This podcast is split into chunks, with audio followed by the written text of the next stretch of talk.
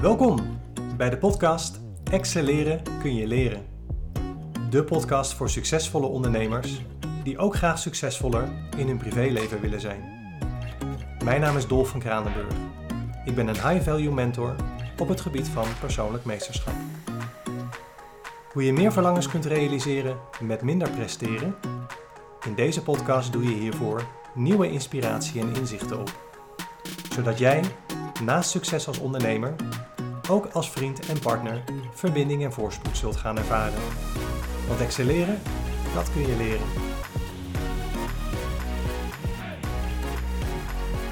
Een hele goede dag, lieve luisteraars. Welkom terug bij de tweede aflevering van Excelleren kun je leren.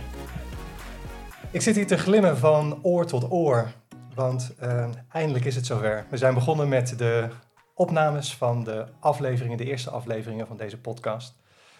En wat is het snel gegaan? Ik ben uh, nu drie weken terug vanuit Ibiza, waar ik een tijdje heb gezeten, om dit uh, voor te bereiden. Ik ging daar naartoe met eigenlijk geen idee wat de volgende stap in mijn bedrijf zou worden en met name hoe het vorm zou krijgen. En uiteindelijk, uh, toen ik drie weken geleden terugkwam, wist ik, ik ga een podcast starten. Nog geen idee waar het over gaat, maar ik ga het gewoon doen. En nu drie weken later staat er apparatuur, is er een script, zijn er afleveringen is er ook een gast vandaag. En um, wat ik op Ibiza gedaan heb, is uh, ik heb kennis gemaakt met wat ze noemen human design. En human design is een uh, model uh, wat gebaseerd is op je geboorteplek, geboortetijd, geboorteplaats. En waarin eigenlijk een aantal moderne en oudere wijsheden samenkomen. En op die manier eigenlijk een profiel laten zien wat jij als mens hebt, waar je kwaliteiten zitten. En uit die Human Design meting werd duidelijk dat ik een uh, manifestor ben. En ik kan niet anders zeggen, ja, ik ben een manifestor. Ik vind het zo tof hoe dit in een hele korte tijd van de grond komt en dat het er gewoon staat. En nogmaals, ik glim van oor tot oor. En niet in de laatste plaats omdat uh, vandaag mijn eerste, allereerste gast is aangeschoven. En hartelijk welkom voor de charmante en altijd goed gemutste Marielle Elzing. Goedemorgen. Goedemorgen. Hi, leuk dat je er bent heel spannend, maar super, super leuk. Ja, ja. ik vind het ook een beetje spannend. Dat, dat snap ik. Ik denk dat er bij jou meer druk ligt dan bij mij. Ik mag jouw vragen beantwoorden. En het is jouw tweede podcast. En ik weet ook hoe hard je er naartoe gewerkt hebt. Dus uh, ik snap dat daar een stukje spanning zit. Ja, superleuk. En ja. ik heb dit ook nog niet eerder gedaan, een podcast uh, gehost met een gast. Maar ik denk dat ik het kan. Nou, ik denk dat wij prima als, uh, als eerste gast, dat kunnen wij best wel. Superleuk. Marielle, zou jij eens willen voorstellen? Wie ben je? Ja, ik ben uh, Marielle Elsing. Ik ben uh, 49 jaar. Ik ben geboren uh, en getogen in Den Haag. Um, toen mijn dochter twee was, ben ik verhuisd naar Hazenswoude, naar het Groene, Groene Hart. ik wilde eigenlijk dat mijn kinderen niet in Den Haag zouden opgroeien. Dat vond ik te druk. En ik, ik, zag al beren op de weg van als ze een fietspad over zouden steken. Van, oh mijn god, dus vandaar dat wij gekozen hebben om naar een rustiger dorpje te verhuizen. Uh, inmiddels is mijn dochter 21, dus ik, uh, ik woon hier nu uh, 19 jaar. Eh, mijn zoon is hier geboren, die is 19. Dus ik in het Groene Hart al 19 jaar heel fijn wonen. Super. Ja. En wat doe je in het dagelijks leven? Ik ben ondernemer. sinds acht jaar ben ik voor mezelf begonnen. Uh, gestart als virtual assistant. Uh, inmiddels een team om me heen gebouwd, uh, waarbij we met, met z'n vijftiende ondernemers ondersteunen in hun dagelijkse zaken. Dus een soort van office management, maar dan op, op afstand. Ja, dat is, wel een, dat is wel een virtual assistant doet voor de luisteraars ja. die het niet kennen. Ja. Een office manager op afstand. Ja, ja, ja, daar kan je alles over de schutting heen gooien. zodat jij lekker kan doen waar je leuk, wat jij leuk vindt en waar je goed in bent. En alle randzaken pakken wij op. Geweldig. Ja. Ja. En dat doe ik nu uh, bijna acht jaar. Ja. Ja.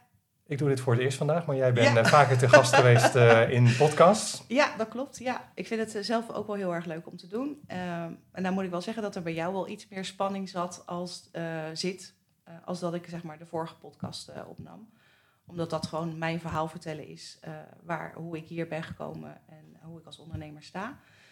En jij als mijn klant geeft dat toch wel een stukje spanning. Omdat, om, ja, ik weet niet wat er gaat komen. Ik weet de vragen niet. En mijn verhaal weet ik wel inmiddels. Dus dat kan ik zo vertellen. Ja. Dus ik ben heel benieuwd naar de vragen die gaat komen en hoe ons gesprek gaat lopen. Ja, superleuk. Ja, ja nou, ik vind het hartstikke leuk dat je er bent. Ehm, mijn grote drijf achter het werk wat ik doe, is dat ehm, ik eigenlijk altijd een hele grote interesse en belangstelling heb gehad voor wat mensen beweegt. Waarom doen mensen wat ze doen? Wat beweegt jou, Marielle? Uh, mijn drijf achter mijn, mijn, uh, wat ik doe, zeg maar, als, uh, als werk, is nee, echt, dat voelt voor mij echt als een passing, is, passie, dat is mensen ondersteunen. Ehm, ik vind het super fijn om, om te kunnen helpen, te ondersteunen. Nou ja, helpen, dat is eigenlijk het, de, de keyword. Dus dat vind ik privé leuk, maar ook zakelijk vind ik dat heel erg fijn. dat je iemand kan ondersteunen. Ja, zonder zelf daarin de boventoon te hoeven voeren. Dus ik ben niet iemand die snel op de voorgrond staat. En hierbij kan ik zeg maar onder de bodem zeg maar meebewegen met, met de klanten. En zijn de klanten super tevreden, maar hoeven de klanten van de klanten dat weer niet te weten. Ja. Dat is mijn drijfveer. Prachtig. Ja. Ik heb een hele mooie podcast met jou beluisterd waarin jij te gast was. Ehm, de dag dat alles anders werd. Ja heette die podcast. Ik heb uh, die aflevering geluisterd terwijl ik in de sportschool was.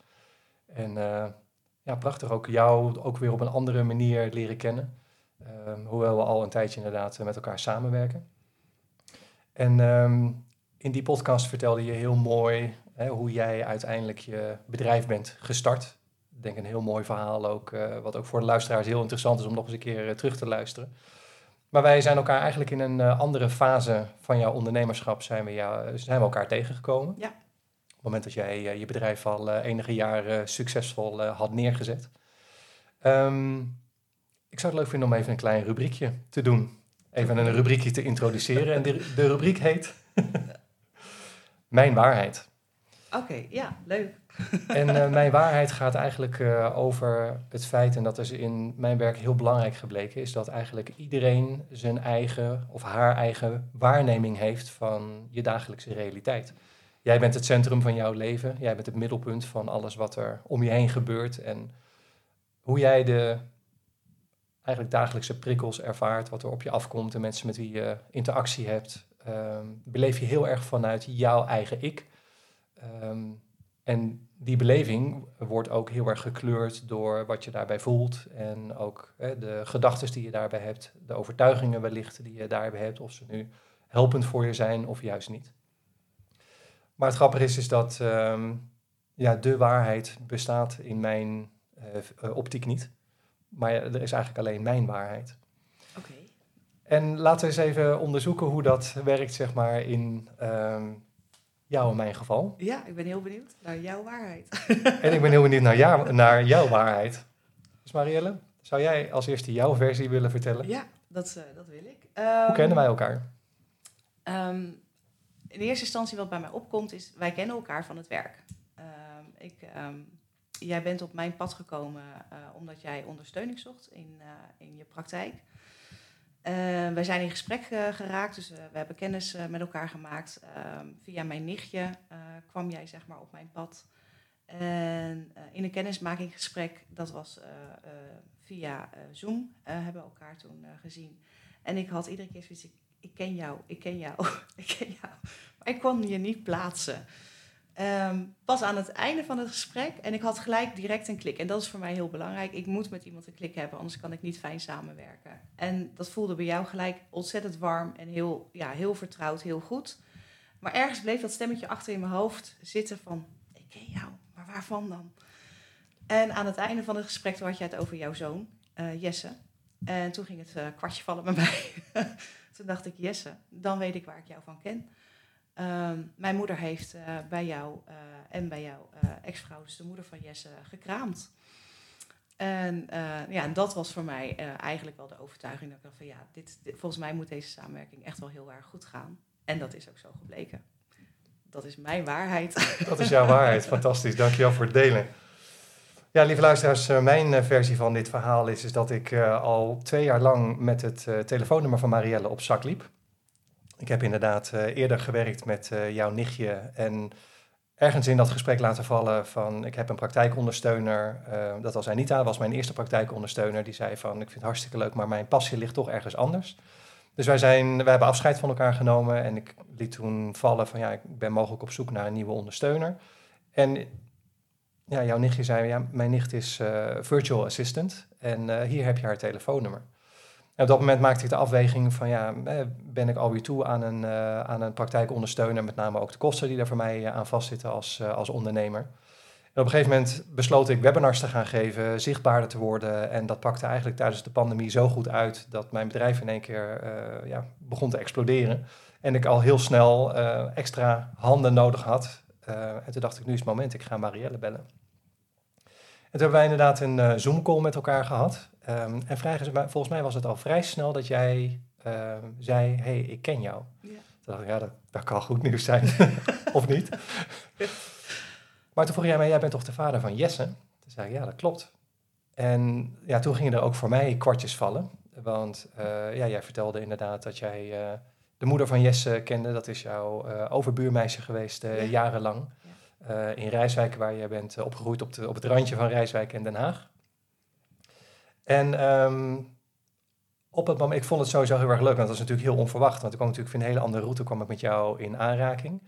Um, en op een gegeven moment toen je de koppeling maakte ook naar een stukje van mijn verleden, dacht ik ook van oké, is dat handig? Uh, op het moment als jij zeg maar zometeen die vertrouwenspersoon wordt in mijn bedrijf, uh, is het dan ook handig op het moment als jij eigenlijk meer gelinkt bent zeg maar met mijn ex-partner dan met mij? Uh, en tegelijkertijd ja, zit je daar natuurlijk ook gewoon puur zakelijk. Um, ja, en wat is de wereld dan klein om inderdaad te ontdekken dat jouw moeder uh, ja, eigenlijk onze kraamverzorger was. Dat hij uh, bij het moment was dat mijn uh, zoon geboren werd, wat overigens een heel spannend moment was. maar daarover wellicht later nog een keer. Dat kan ik me ook nog heel goed herinneren. Ondanks ja. dat ik er niet bij ben geweest. En, maar weet ik dat mijn moeder met dat verhaal, omdat nou ja, de moeder van jouw ex-partner woonde natuurlijk bij ons aan de overkant. Ja. woonde, want ik woon inmiddels natuurlijk niet meer bij mijn ouders. Maar maar ik kan ook van mijn moeder nog herinneren dat dat inderdaad een heel spannend moment is geweest. Eh. ja, ja. ja. en dat ze eigenlijk ook zei van, eigenlijk weet ik niet of ik dat wel wil, nog een keer kramen bij mensen die zo dichtbij ja. uh, stonden. Ja. Uh, voor de luisteraars, ja, dat vraagt toch om enige, enige toelichting, maar ja, het ging eigenlijk net goed op het moment dat mijn zoon of onze zoon geboren werd. Um, op het moment tijdens de weeën, toen viel de hartslag van Jesse weg, waarop de verloskundige zei, hij moet er nu uit. Um, en toen is eigenlijk met een knip uh, is Jesse uh, heel snel ter wereld gebracht. Uh, ademde op dat moment niet. En moest eerst een aantal minuten beademd worden. Um, en dat was een heel heftig moment. Ik ja. herinner me dat mijn partner op dat moment in paniek raakte. Um, en op het moment dat Jesse geboren werd en ik hem in zijn gezicht keek, toen zei iets in mij, het is goed. En dat gevoel wat toen over mij heen kwam, dat heeft mij rustig kunnen houden, waardoor ik er ook kon zijn voor mijn partner op dat moment. En nadat Jesse een aantal minuten is beademd, begon hij zelf te ademen. En uiteindelijk is dat uh, ja, gelukkig op zijn pootjes terechtgekomen. Ja. Heeft hij daar ook niks aan opgehouden. Het is een fantastische knul uh, nou, geworden en aan het worden. Maar dat was een spannend moment. Ja. En ik kan me heel goed voorstellen voor jouw moeder, die uh, eigenlijk je kan ervan uitgaan dat, dat 9 van de 10 bevallingen gaan goed. Ja. En uh, dat het dan spannend wordt uh, bij een bevalling waarbij jij ook nauw betrokken bent en persoonlijk zeg maar uh, het gezin kent. Dan is dat natuurlijk heel erg lastig, omdat ja, dat je, je moet gaan handelen als professional. Ja. En, maar je ziet aan de andere kant ook wel, omdat die mensen zo dierbaar zijn, van ja, dit is echt wel een moment, gaat het wel of gaat het niet goed? Ja. En dat kan ik me nog heel goed, ondanks dat het Jess is inmiddels 18.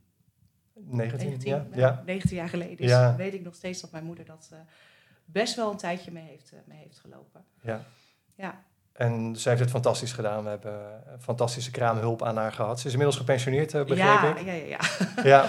Geen kraamhulp meer, nee. Maar ja, dat was natuurlijk wel heel interessant toen wij dat gesprek met elkaar hadden. Ja. En eigenlijk hè, voor een, een, zakelijke samenwerking gingen verkennen. Dat je dan, ja, eigenlijk dat al die dingen dan opeens bij elkaar komen. En wat is ik de vind het wel grappig om te horen dat, dat jij dus nog wel bedacht heeft dat het voor mij mijn waarheid zeg maar is van oh dus er is een klik en dit moet zo zijn. Dat jij dus bedacht hebt op dat moment van is dit wat ik wil, want je kent een stukje van mijn uh, privé zeg maar. Uh, dus daarin hebben wij een andere gedachte gehad. Nou, ik heb, uh, ben met name wat bij mij opkwam en wat ik ook heb afgetast. Hè, in hoeverre uh, ben jij uh, onbevooroordeeld naar mij toe? Hè, omdat die relatie in het verleden is, is ja, geëindigd. En ja, jij kent mijn ex langer dan dat je mij kent. En ik was wel benieuwd van, hè, zit daar een mening achter, een oordeel achter die ons in de weg zou kunnen staan? bij een professionele samenwerking. En nou ja, dat was eigenlijk helemaal niet aan de orde. Die klik die jij uh, noemt, die voelde ik meteen ook. Was eigenlijk meteen, daarna was het ook gewoon goed. Ja. Ehm, en, en wat mij uh, vooral aansprak is dat je eh, ontzettend professioneel bent. En daarnaast ook nog super sympathiek. En ja, dat is wat ik op dat moment nodig had qua ondersteuning. Um, en we zijn gaan samenwerken. En wat ik heel erg leuk vind uit onze samenwerking is dat wij meer dan alleen samenwerken. Omdat wij ook een klik hebben en, en de ondernemersgeest hebben, uh, is het ook heel erg leuk om met elkaar te sparren. En zijn we ook heel erg nauw betrokken bij uh, ontwikkelingen in, in mijn bedrijf en in jouw bedrijf. En hebben het daar ook over. Hè, van uh, ja, wat, wat speelt er, waar loop je tegenaan, hoe ga je daarmee om? Um, grappig genoeg ben jij degene die volgens mij anderhalf jaar geleden tegen mij hebt gezegd: jij moet gaan podcasten ja, als man heb ik toch een wat langere besluittijd nodig. Ik doe daar gewoon iets langer over om op dit punt te komen. Kleine anderhalf jaar. Maar dank je wel hiervoor. Wat tof dat we hier met z'n tweeën zitten in deze podcast en dat jij ook mijn, mijn eerste gast bent. Ja, ik voel, dat is echt een eer. Ja.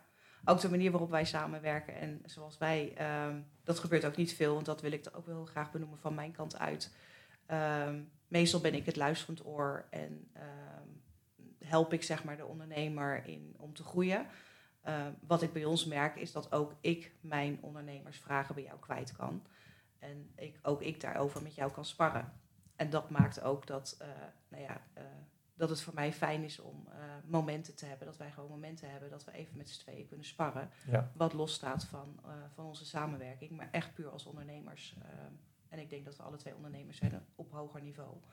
En dat is gewoon fijn dat je dat, dat, je dat hebt, zo'n sparringspartner. Prachtig. Dat zijn mooie, mooie complimenten over en weer. Ja. Ja, nee, absoluut. Je, uh, dat bedrijf wat jij opgebouwd hebt, dat, uh, dat is een voorbeeld. Sowieso het, het succes opbouwen als, als ondernemer. Ik denk dat dat echt een, echt een achievement is. Het feit dat je daar gewoon helemaal voor gaat. En dat je eigenlijk het beste van jezelf daarin laat zien en geeft. En dat je dan vervolgens merkt dat dat uh, succesvol wordt en dat je daar eerst in je eigen onderhoud kunt voorzien en dat je daarna doorgroeit en ook andere mensen daarin uh, gaat voorzien. Uh, met de voor- en de nadelen die daaraan uh, aan vastzitten. Ja. Want ehm, ja, het is nogal wat, een, een, bedrijf opbouwen en succesvol maken. Ehm, kun je ons meenemen in, in dat proces van zo'n bedrijf opbouwen, uh, merken dat het steeds beter gaat, uh, steeds succesvoller worden. Zitten daar ook, ook nog nadelen aan? Uh, wat, wat, wat verandert er voor jou op het moment als je business groeit en, en steeds succesvoller wordt? ja, daar zitten zeker wel nadelen aan. Ehm, toen ik ooit begon als zelfstandig ondernemer, had ik niet de droom of de verwachting of de hoop of, of ergens iets waarvan ik dacht van nou over zoveel jaar wil ik dit bereiken. Ik ben gewoon gestart aan de keukentafel en ik wilde gewoon mijn eigen boterham verdienen. Dat was voldoende geweest. Dat dat uiteindelijk is gaan groeien, dat heeft zeker wel ook uh, negatieve kanten meegebracht. Um, uh, op het moment dat je bedrijf groter wordt, uh, moest ik er ook meer tijd in gaan, gaan steken. Kon ik me niet beperken tot drie klanten. Ehm, maar moet je eigenlijk continu bereikbaar zijn en beschikbaar zijn.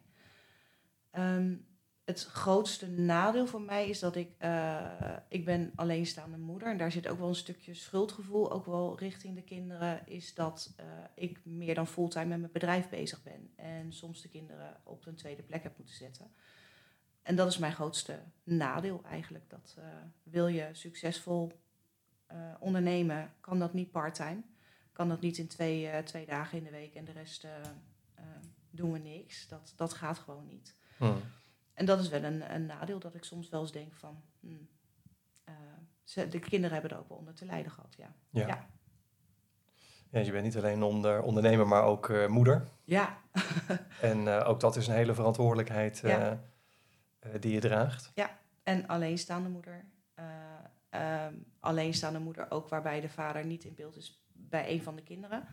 Dus de volledige zorg eh, komt eh, voor mijn dochter is dat dan eh, komt op mij eh, neer vanaf haar twaalfde al. Mhm. En bij mijn zoon is dat ook wel het geval. Dat vaders ook wel makkelijk denken van oh, dat regelt moeders wel.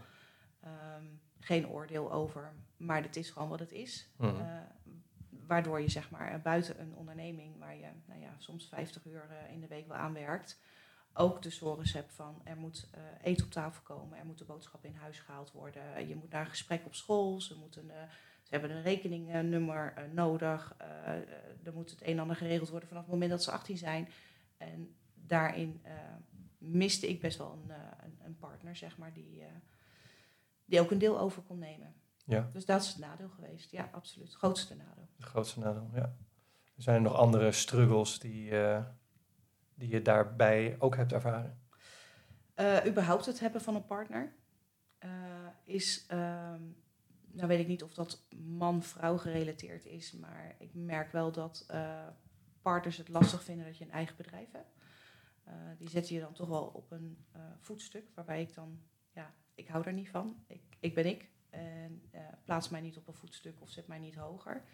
Ehm, maar ook die dan niet begrepen dat je wel in het weekend wat werkzaamheden had.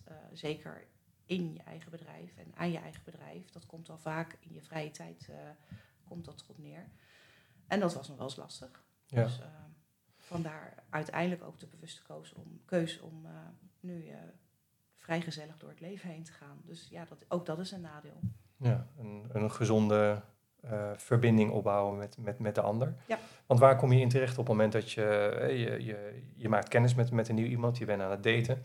Ehm, je vertelt, ik ben ondernemer, ik heb een eigen bedrijf, ik doe dat succesvol. Ehm, en dan vervolgens merk je dat de ander jou op een, op een voetstuk plaatst. Wat, waar kom je dan in terecht met z'n?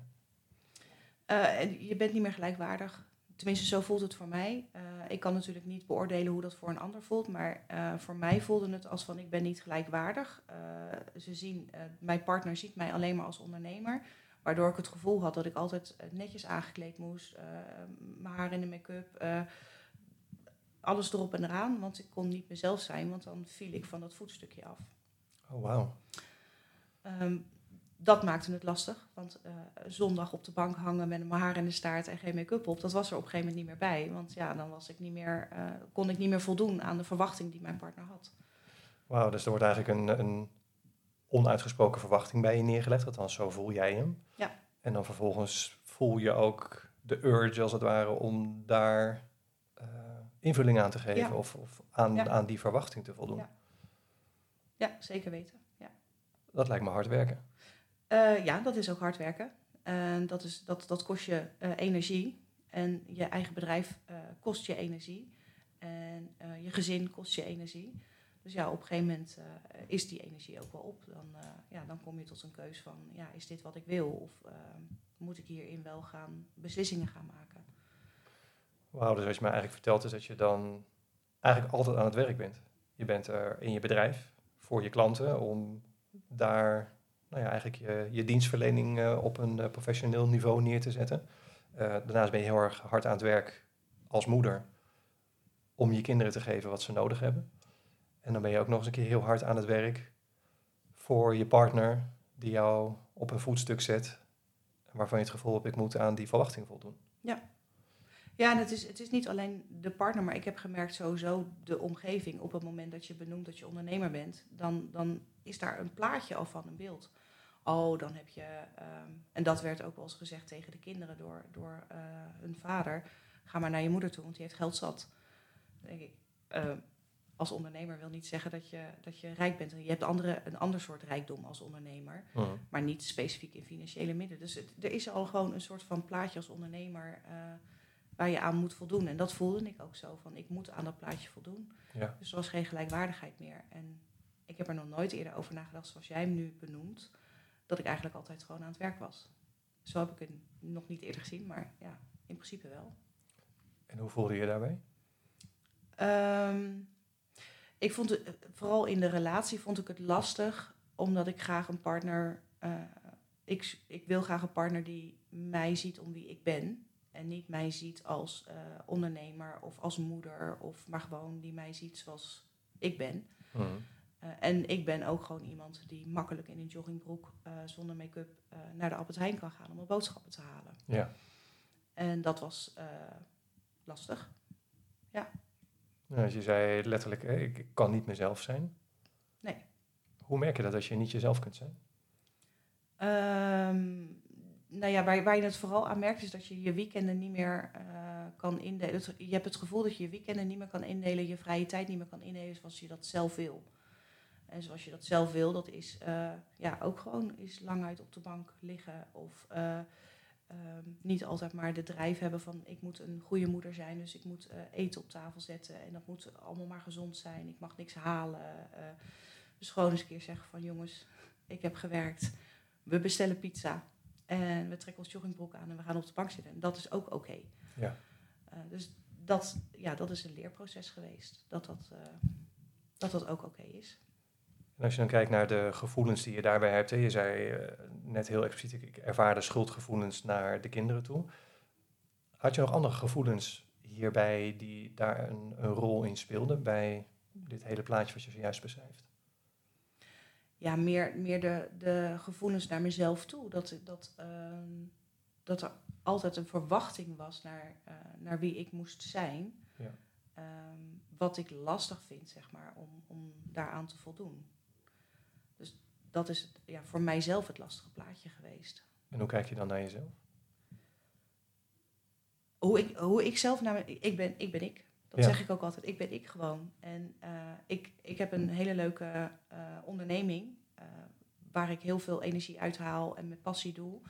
Ik heb twee hele leuke kinderen waar ik ook heel veel energie uithaal, passie doe. En ik ben ik gewoon. Ja. En dat stukje, dat, ja, dat, dat, was, dat is in een periode heel erg moeilijk geweest. Zeker in het begin, het opzetten van, van de onderneming. Want heb je daar dan bijvoorbeeld, als je merkt dat die de verwachting daar ligt en dat je je best aan het doen, je bent hard aan het werk om daaraan te voldoen, uh, merk je dat je dan ook nog bijvoorbeeld in uh, gedachten over jezelf terechtkomt, dat je misschien oordelend naar jezelf wordt? Uh, niet oordelend. Um, ik ging wel steeds meer in, um, ja, in, in een soort van zelfmedelijden zitten. Ik weet niet of het zelfmedelijden is, maar van uh, wanneer ben ik aan de beurt? Hmm. Wanneer mag ik er zijn en wanneer mag ik eens tijd voor mezelf nemen? En, dus daar kwam ik op een gegeven moment wel in terecht. Van, nou ja, mijn grenzen leren aangeven. Ja. ja. Hoe makkelijk is het voor jou om je grenzen aan te geven?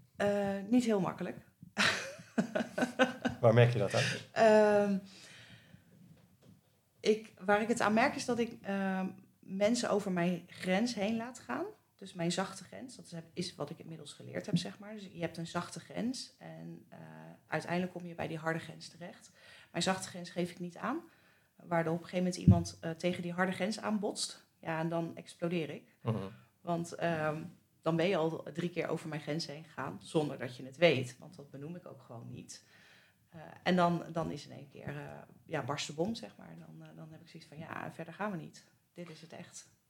Bij dat laatste kan ik me iets voorstellen. Zo'n harde grens waar je dan op een gegeven moment explodeert. En ja, dan is het gewoon basta. Ja. Maar die zachte grens vind ik wel heel interessant. Hè? Je noemt het expliciet zachte grens, harde grens. Bij een zachte grens gaat dus iemand kennelijk over jouw grenzen heen maar die weet het niet. Nee. Wat merk jij daarvan op het moment als iemand over een zachte grens heen gaat? Ja, ik voel die wel. En wat voel je dan bijvoorbeeld? Ik voel wel van binnen vooral uh, dat uh, ja, een soort van opborrelend gevoel van waarom zie je dit niet of waarom. Ik leg dat bij de ander neer van waarom zie jij niet dat, dat dit niet kan. Ja. Um, en daarnaast leg ik het ook gelijk weer aan de zijkant. Dan denk ik van nou ja, hij ziet het niet of zij ziet het niet of de kinderen zien het niet. laat maar. En dan zet ik mezelf opzij en dan ga ik door. Maar ik zet eigenlijk mezelf niet opzij.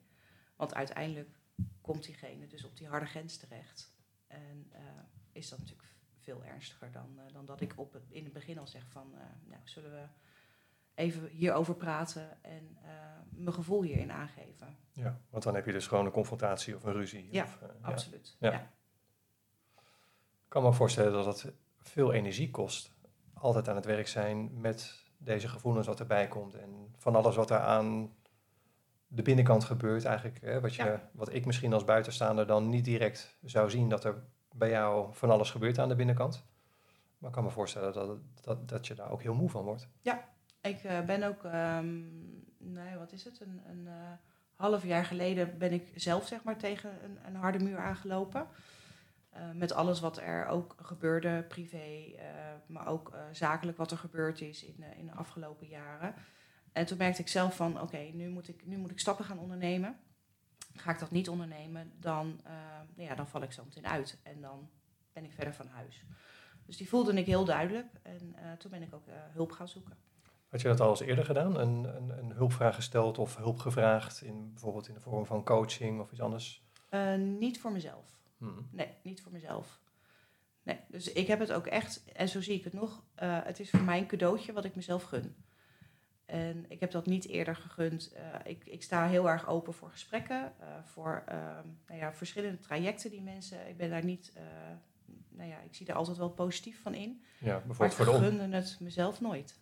En dan de ontwikkeling van bijvoorbeeld je medewerkers. Daar, is, is dat wat je bedoelt? Dat je, dat je dus andere, bijvoorbeeld je medewerkers... Nee, als, als, ik, eh, als ik kijk zeg maar, naar ehm, wat er in mijn privéleven gebeurd is, eh, heb ik altijd gezegd ook eh, tegen, tegen anderen of tegen de kinderen van zoek hulp. Hmm. Dus ik heb altijd wel iedereen gepusht in van zoek hulp. Er zijn professionals, ga daar naartoe. Maar zelf gunde ik mij dat niet. En ik ja, nou ja moet ik hulp gaan zoeken. Ja. En uiteindelijk heb ik dat wel gedaan. En eh, is dat een cadeautje. ja, gunnen is, weet ik inmiddels, liefde voor jezelf. Ja, Ervaar je dat ook zo? Ja, ja, daarom zie ik het ook echt als een, als een cadeautje. Het is ehm, op het moment dat ik, eh, want ik zit nog midden in dat proces, op het moment dat ik eh, daar nou ja, mijn sessie heb, laat ik het maar zo noemen, Hmm. dan is dat echt mijn moment. En eh, mijn moment start een half uur voor mijn sessie en eindigt een half uur na mijn sessie, want dat is mijn moment. Eh, dus ik mag van mezelf even eh, mediteren, mijn werk uitzetten, volledig uitschakelen. En ik mag daarna ook van mezelf even op bed gaan liggen. En dat, gun ik, dat gunde ik mezelf echt nooit. Want ja, je gaat niet op bed liggen, dat is heel raar. Het is overdag, dus dat, dat doe je niet. En nu gun ik mezelf wel een momentje dat ik denk van nou, ga maar eventjes liggen en eh, laat het maar eventjes gewoon eh, tot je komen. Wat is je doel met dit eh, proces? Waar, waar ben je naartoe aan het werken? Meer rust creëren voor mezelf. Ehm, duidelijk mijn grenzen. ik zie mijn grenzen wel, maar ze ook duidelijk aan durven geven. Ehm, iets minder dienbaar zijn, toch wel, naar, naar anderen. Niet alleen klanten, maar ook naar de kinderen, naar mijn ouders, naar dierbaren om mij heen. Eh, ik hoef niet altijd klaar te staan. En toch eh, kan ik de liefde geven. En eh, daarin zeg maar meer nou ja, mijn grenzen bewaken van... ik wil er best voor jou zijn, maar niet op dit moment, want dat komt mij even niet goed uit. En dat dat mag, dat dat er mag zijn. En dat ik ook een, bijvoorbeeld een dag minder mag gaan werken. Of dat ik om vijf uur mag stoppen met werken, ook al is het werk niet klaar. Ja. Ik vind het heel mooi om te horen wat je zojuist vertelt. Hè? Dat, dat dienbare, dat zie ik ehm, in jou als professional, zie ik dat echt als een van je kwaliteiten. En tegelijkertijd, als je het niet kunt doseren, dus op het moment als je die grenzen niet kunt stellen, dan kun je daar ook nog eens op een ja, minder positieve manier in doorslaan. Dat eigenlijk jouw kwaliteit van dienstbaar zijn Ja. tegen je gaat werken. Naar familie, kinderen toe, ehm, die ook nog eens niet aanvoelen dat ze over jouw zachte grenzen heen gaan. En op een gegeven moment geconfronteerd worden met, hé, hey, Ja. dit is de harde grens van Marielle en hier heb je hem. Ja, en terecht ook dat ze hem niet aanvoelen, hè? want ik geef hem niet aan. Ja, Dus dat kan ik ook niet verwachten dat ze het aanvoelen. maar altijd... Maar dat dienbare, dat zit heel erg in mij. En eh, eh, ik wil gewoon dienbaar zijn. Eh, dat voelt ook goed voor mij. Dus het is niet, het is niet iets wat ik wil, wil missen. En, want dat geeft mij ook het gevoel dat ik s'avonds mijn bed instap met een grote glimlach op mijn gezicht. Dat stukje dienbaar zijn. Ja. Maar het moet niet overslaan in mezelf voorbijlopen. En dat vind ik zo interessant, dat dus die kwaliteit van jou, waar je heel blij van wordt, waar je heel goed in bent, dat die dus op een gegeven moment ook kan omslaan naar tegen je gaan werken. Ja. En dat je dan in je dienbaar zijn gewoon eigenlijk heel hard aan het werk bent voor anderen. Ja. Ben ik even benieuwd, op het moment als je dan zo hard aan het werk bent, in bijvoorbeeld dienbaar zijn naar je kinderen, naar je ouders toe, levert dat altijd het gewenste resultaat op? Het harde werken, krijg je daar uiteindelijk mee voor elkaar, krijg je daar blije anderen van? Ehm, ik heb er toevallig gisteren een heel gesprek over gehad met de kinderen. Ehm, ik, merkte, ik merkte heel erg bij de kinderen, en dat komt ook omdat ik in een proces zit, dat het vanzelfsprekend was. En de kinderen beaamden dat ook gisteren. Van, dat is ook vanzelfsprekend, mam. Want jij reed wel. En ik kon eigenlijk al wel bedenken van, uh, oh, als ik om drie uur ergens strand, dan hoef ik mijn moeder maar te bellen, want mijn moeder komt wel. En um, dat vanzelfsprekende, dat, dat heb ik gisteren ook besproken, dat zou ik graag om willen draaien, dat het wat meer gewaardeerd wordt. Mhm. En natuurlijk ben ik er voor ze en natuurlijk mag het vanzelfsprekend zijn, maar we hebben daar echt een heel mooi gesprek over gehad gisteren uh, met z'n drieën. Ja. Um, dat ik het fijn zou vinden als dat vanzelfsprekende wat meer uh, gaat naar wat fijn dat mijn moeder dat doet en niet, oh, als ik strand, dan komt mijn moeder wel. En was dat wellicht waar je naar op zoek was door zo dienstbaar te zijn over je eigen grenzen heen, naar anderen toe, om dat stukje waardering misschien te krijgen? Um, ik, ik, denk zeker um, dat dat een stukje uit mijn jeugd is. Um, waardeer, waar, ja, waar ik een waardering mis, zeg maar. En dat, dat herken ik heel erg in, in het patroon wat ik uh, vroeger al heb gehad. Uh, een slecht cijfer halen, uh, niet naar huis durven. Want oh jee, want een zes was niet voldoende. Hmm. Um, daarin ook best wel extreem gaan denken. ik had ook nou ja, een, een, boom en die had een, een knik in, in zijn tak. En ik dacht altijd van, nou ja, als ik bij die boom dan een, een soort van wens doe uh, dan zullen mijn ouders niet boos zijn. Of, uh, en dan had ik wel geleerd op mijn manier en hard geleerd ook. Uh, mijn best gedaan. Maar dan was het maar een zes. En ik wist al dat dat niet goed genoeg was. Daar komt gezeik van. Ja, ja, ja. ja. dus dat stukje waardering, dat, dat heb ik wel gemist in, in mijn jeugd. Um, en dat is niet te wijten aan mijn ouders. Want die hebben mij gewoon goed opgevoed en die wisten gewoon niet beter dan hè, ik moet ze stimuleren. Um, ik was ook niet een makkelijke puber. dus uh ja, mijn ouders hadden zoiets van we moeten er stimuleren, want we weten dat ze beter kan. Ja, en dan is die zes niet genoeg, want we weten dat je een acht kan halen. Ja. En voor mij was die zes meer dan voldoende. Ja, dus dat stukje waardering heb ik gemist, ja. ja. ja. En wat mooi dat je wat ik hoor is dat je dit dus met de kinderen bespreekt. En je vertelde al, hè, je, kinderen zijn uh, ruimschoots volwassen. Ja. En uh, wat mooi dat je dit met je kinderen kunt bespreken op een volwassen manier, maar ook in alle openheid. Ook daarin uh, jezelf kunt laten zien. Ja. Ja, ik denk dat mijn, uh, de vraag die mijn dochter ook stelde is: Mam, wat heb jij van mij nodig om, om je hierin te helpen?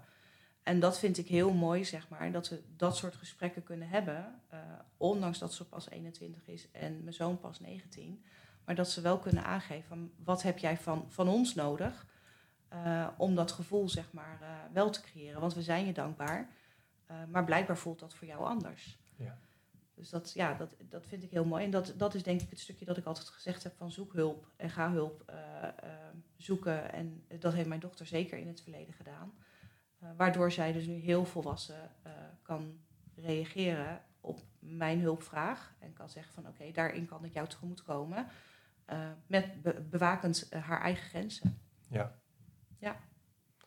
Ja, prachtig. Ik denk enerzijds dat het heel mooi is dat je daarin jezelf uitspreekt. Hè. Ook dat is liefde voor jezelf. Uitspreken wat jij nodig hebt. Um, en ik ben ervan overtuigd dat je, je, je presence, je aanwezig zijn, ook al ben je moeder van de kinderen. Uh, en dat wat je ze geeft, dat het, dat het nooit vanzelfsprekend is. Dat wat je anderen geeft, is, is nooit vanzelfsprekend.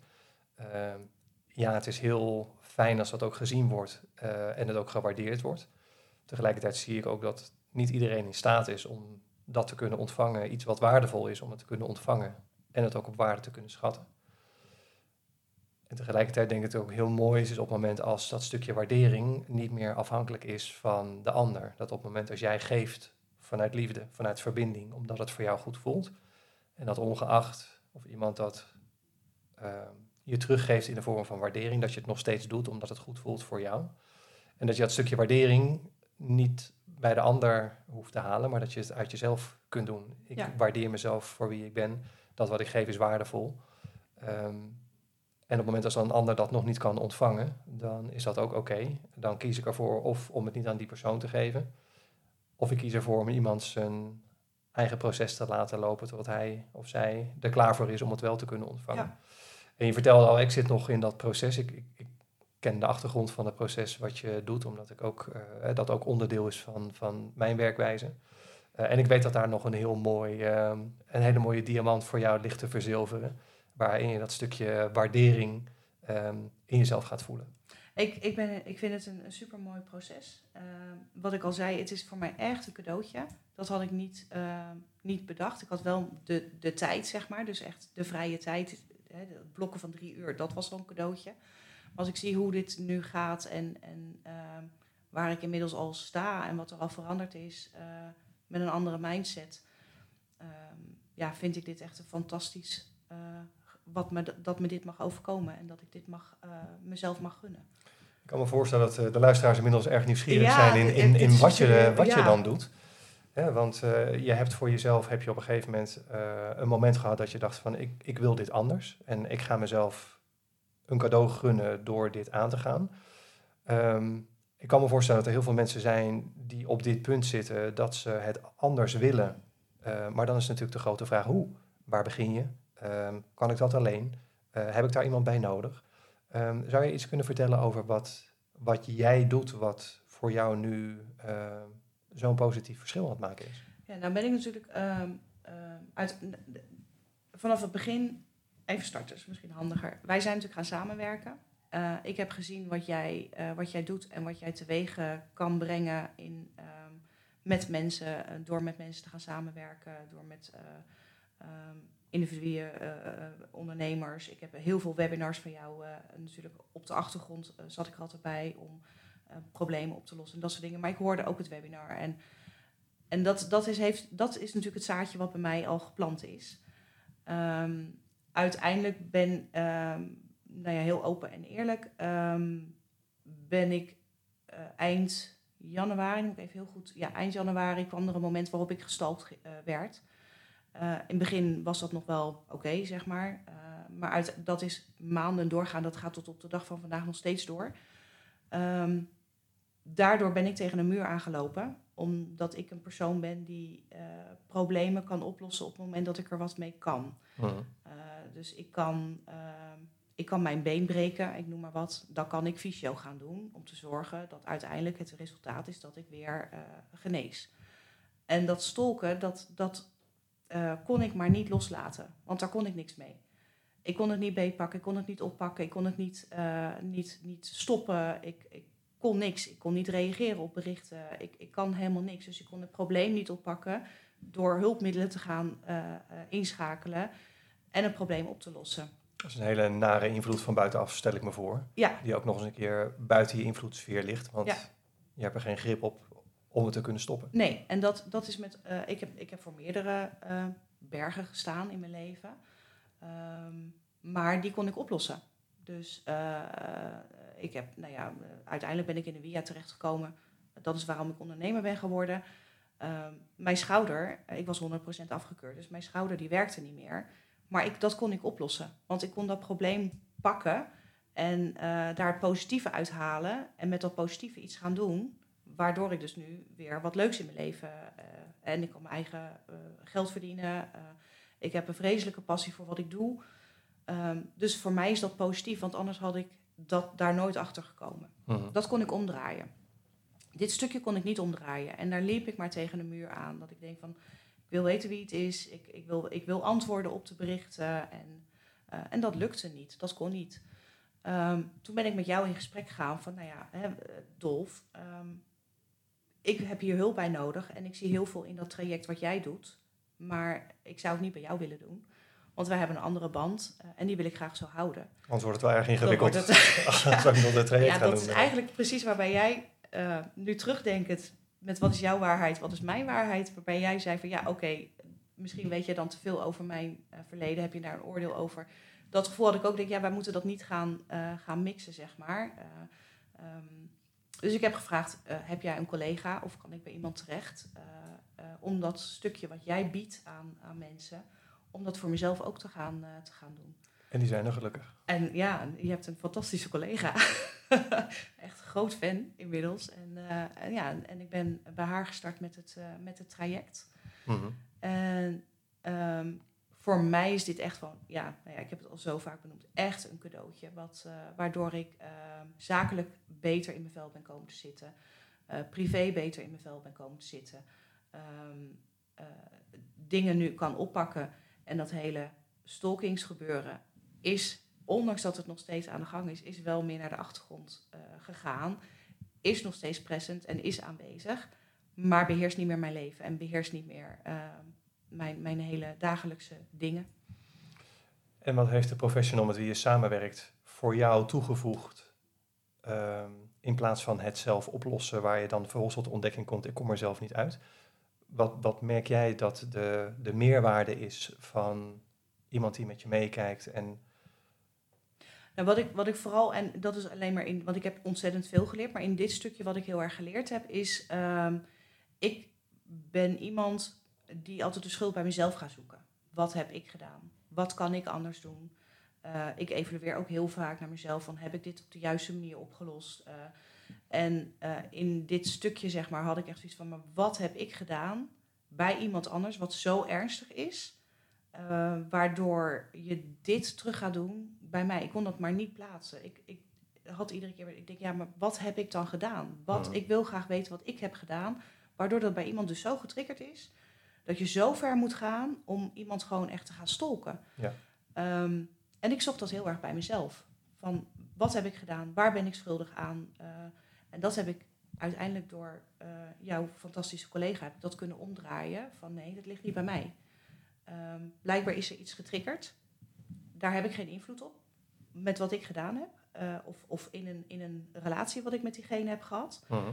Daar heb ik iets in getriggerd, maar dat is wel zijn trigger. Dat is zijn of haar uh, stukje, zeg maar, waar zij, of haar, nou ja, ik weet niet of het een hij of zij is, dus ik heb het altijd over een hij, maar uh, daar, moet, daar moet diegene mee dealen. Maar dat wil niet zeggen dat, dat het mijn schuld is.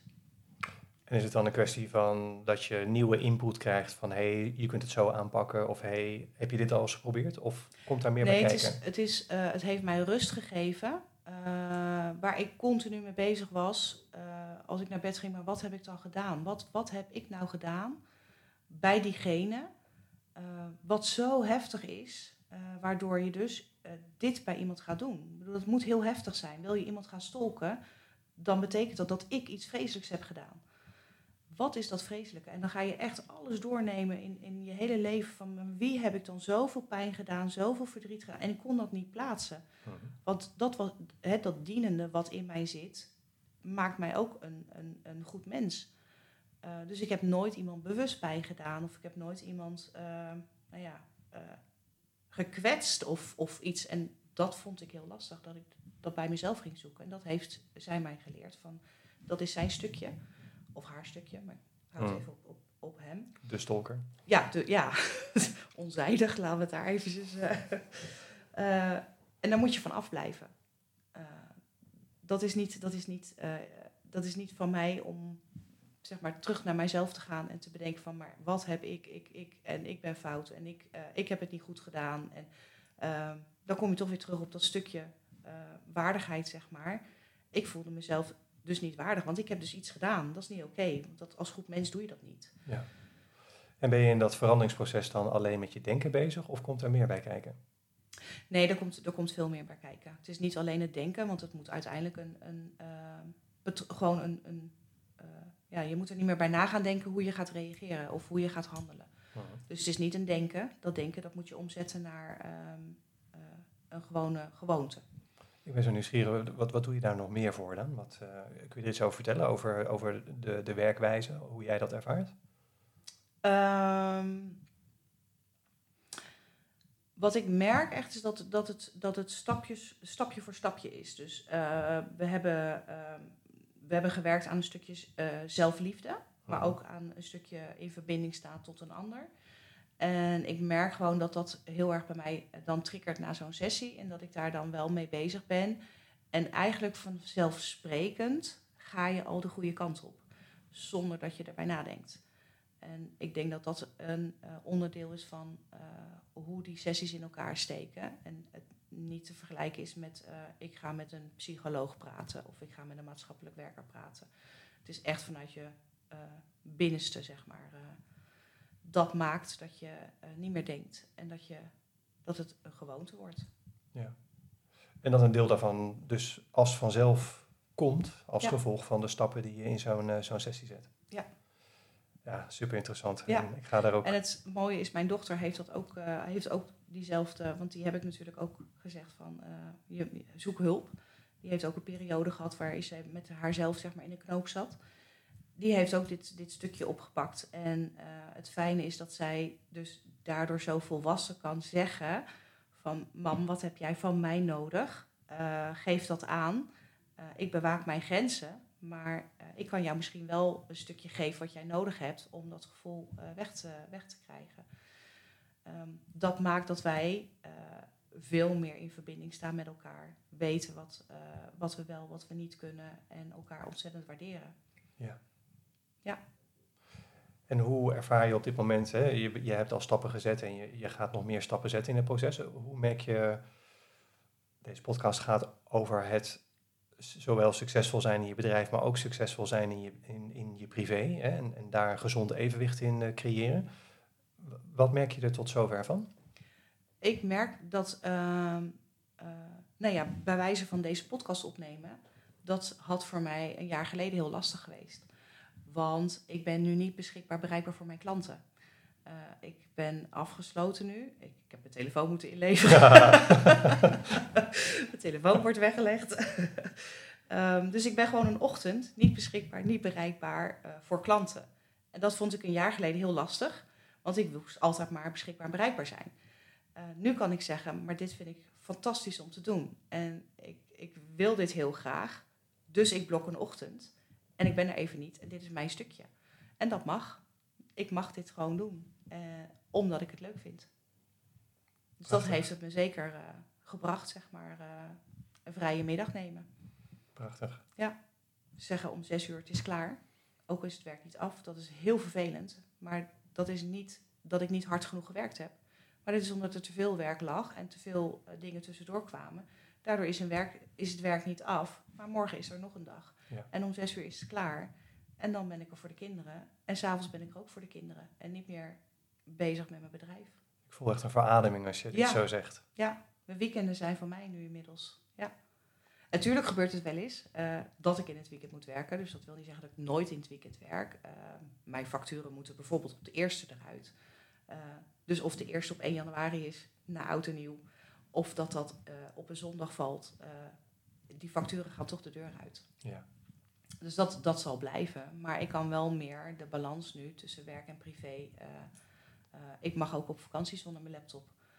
Ik hoef niet op vakantie met een laptop om dan alsnog dienbaar te zijn voor mijn klanten. Want ik heb recht ook op gewoon vakantie. Dat heeft het me zeker gebracht. Want in zeven jaar tijd eh, ben ik nog nooit op vakantie geweest. Zonder die laptop. En was ik iedere ochtend nog steeds aan het werk. Want dat kon toch niet dat ik er gewoon tussenuit was. En dat ik 14 dagen het werk voor mijn klant niet kon doen. Dat kan niet. Want ik ontlast mijn klant. En dan ben ik hem tot last. Want dan moet ik ineens... eh, moet mijn klant extra werk gaan doen. En dat heeft het me zeker gebracht. Ik vind, ik vind het fantastisch. Ja, Ja, ik word er echt heel blij van als ik dit, eh, als ik het hoor en het ook aan je zie. En ja, we kennen elkaar natuurlijk nu bijna 2,5 jaar, dus ik heb ook die verschuiving ook gezien, hoe je dat eh, aan het installeren bent, aan het, aan het implementeren bent. En hoe je ja, steeds beter voor jezelf gaat zorgen en, Ja. eh, en wat dat voor, ja, met jou doet. Ja. Dat vind ik fantastisch. ja het, het voelt ook eh, als een bevrijding. Prachtig. Ja. Het is je van harte gegund. Dank je. Superleuk en, en dankjewel voor je openheid. Eh, ook, eh, ja, je schuift toch maar even aan eh, bij deze podcast, niet wetende wat er gaat komen. Maar Dat was wel heel spannend, ja. het was heel spannend. Maar dat je dan zo jezelf laat zien, dat, dat vind ik fantastisch. Ik denk dat het een supermooie aflevering is geworden. Ja, Ehm, ja, waar heel veel waarde in zit en vooral ook heel veel herkenbaarheid in zit. Voor mensen die in jouw situatie zitten of in een vergelijkbare situatie zitten. En, eh, en wat een mooie kansen liggen er nog om, eh, om verder te groeien en, en ja, nog meer absoluut. vrijheid, We zijn blijheid. pas 49, hè? Precies, die tweede helft die Ja. gaat nog komen. ja, daarom. Dat wordt een mooie tweede helft. Superleuk. Ja. Marielle, wat is verder nog leuk om te vertellen? Wat wil je nog kwijt in deze podcast? Oh, dat is even schakelen. Ehm, Wat ik superleuk vind om te vertellen. Ehm, als ik hem dan even mag omdraaien, vind ik het superleuk om te vertellen dat eh, ook ik gezien heb waar jij vandaan komt. Ehm, dus ik, ik ga even een balletje omdraaien. ehm, waar jij 2,5 jaar geleden stond en waar je nu staat. En ik vind het ontzettend fijn dat ik deel eh, mag zijn van jouw reis eh, in het ondernemersvak. En ontzettend blij met, eh, met de relatie en de band die wij hebben. Eh, dus ik wil graag jou een compliment geven. Dat ik trots ben op waar je stond 2,5 jaar geleden. Nog een beetje eigenwijs als in LinkedIn. Dat is niks voor mij. Right. En eh, podcasten, eh, dat ga ik niet doen. oh, kan ik ook iets koppelen in mijn boekhouding? oh, kan ik een... hmm, dat is wel heel veel werk. En dan nu kijken naar hoe processen al zijn ehm, vergemakkelijkt. En eh, hoe eh, fijn het ook is dat je soms ook gewoon dingen eh, van mij aanneemt. En inderdaad gewoon gaat doen. Zoals dit stukje, want ik vind het echt bij jou passen. Superleuk. Ik zit te genieten hier van, van sowieso je complimenten. Dank je wel. Maar ik zit ook te genieten van dat wat we aan het creëren zijn, deze podcast. En ja, het voelt gewoon supergoed. En ehm, ja, wat ik nog zou willen toevoegen aan deze podcast is dat ehm, jij hebt in, in onze dienstverleningsovereenkomst heb jij staan, één keer in het kwartaal hebben we overleg. Ja. En nou, daar heb ik mijn handtekening onder gezet. Afspraak is afspraak. Dus wij evalueren op zijn minst ieder kwartaal. Maar we hebben dat wel een eh, flinke upgrade gegeven in, in de afgelopen 2,5 jaar. Daar waar we dat eerst via Zoom deden, zijn we dat op een gegeven moment bij mij, toen ik nog een fysieke praktijkruimte had, zijn we dat bij mij op de praktijk gaan doen. Of bij jou eh, op kantoor. Eh, op een gegeven moment hebben we dat aangekleed met sushi en met champagne, omdat er altijd wel wat te vieren is. Ja, En ja, nu ik geen praktijkruimte meer heb, ja, doen we dat dan dus buiten de deur. Ehm, maar dat zijn wel hoogtepuntjes. En wat ik zo leuk vind, is dat jij ook gewoon een levensgenieter bent. En dat, eh, ja, weet je, eh, het leven is een feestje, maar je moet wel zelf de slingers ophangen. Eh en het is niet altijd een feestje, maar het kan wel een feestje worden op het moment dat je ja, de, de mogelijkheid krijgt en pakt om ehm, ja, datgene wat je daarbij in de weg staat, om het op te pakken en aan te pakken. En dan is er zo'n leuk leven mogelijk. ja, ik geniet van onze evaluatiemomentjes. Super. Ja, en die was er niet toen je in Ibiza zat. En ik stond bijna op punt om inderdaad om naar Ibiza te gaan. Want daar hebben we het nog over gehad. Van, Ja. Dan ga ik een weekend eh, dan maar die sushi in Ibiza halen. Nou, misschien is dat dan de Eh. volgende upgrade eh, die we moeten geven, want ik ga zeker terug. Ja, ja, En ja, hoe leuk zou het zijn om elkaar daar te ontmoeten. ja, Super. daar gaan we over nadenken. Als laatste voor de luisteraars, waar eh, kunnen de luisteraars jou vinden? Heb je een website, social media? Ja, ehm, luisteraars, eh, als die geïnteresseerd zijn in, eh, in wat ondersteuning, dan kunnen ze mij vinden op Elle Office Support. Ehm, Elle als in de laatste vier letters van mijn naam, Marielle. En Office Support, dat zegt het natuurlijk vanzelf al. Ehm, op Facebook, Twitter. nee, Twitter gebruik ik niet heel veel, als ik heel eerlijk ben. Instagram en LinkedIn. Top. L Office Support, Ja. Marielle Elsing. Ja. Dankjewel voor je komst. Ik vond het fantastisch. Dankjewel voor het fijne gesprek. Jij ook heel erg bedankt. Ik glim nog steeds van oor tot oor. Hier er nog eentje. There we go. Dit was hem weer. Voor nu. Dankjewel voor je tijd en aandacht bij het luisteren. Als deze podcast waardevol voor je was, laat dan even een review achter in de comments hieronder. Je zou me een groot plezier doen door deze aflevering te delen met de mensen in jouw netwerk voor wie jij denkt dat dit ook meerwaarde heeft. Heb je nog vragen over wat je zojuist gehoord hebt? Of een suggestie voor onderwerpen waarover jij graag meer zou willen horen in een volgende aflevering? Stuur me dan even een berichtje op LinkedIn, Instagram of Facebook. Abonneer je ook even op deze podcast als je dat nog niet had gedaan. Wil jij graag dieper ingaan op de mogelijkheden die er zijn voor jou om meer verlangens te realiseren met minder presteren? Bezoek dan mijn website www.dolfvankranenburg.nl hier kun je jouw 1 op 1 Zoom call met mij inplannen. Voor nu wens ik je alle goeds en graag tot de volgende keer.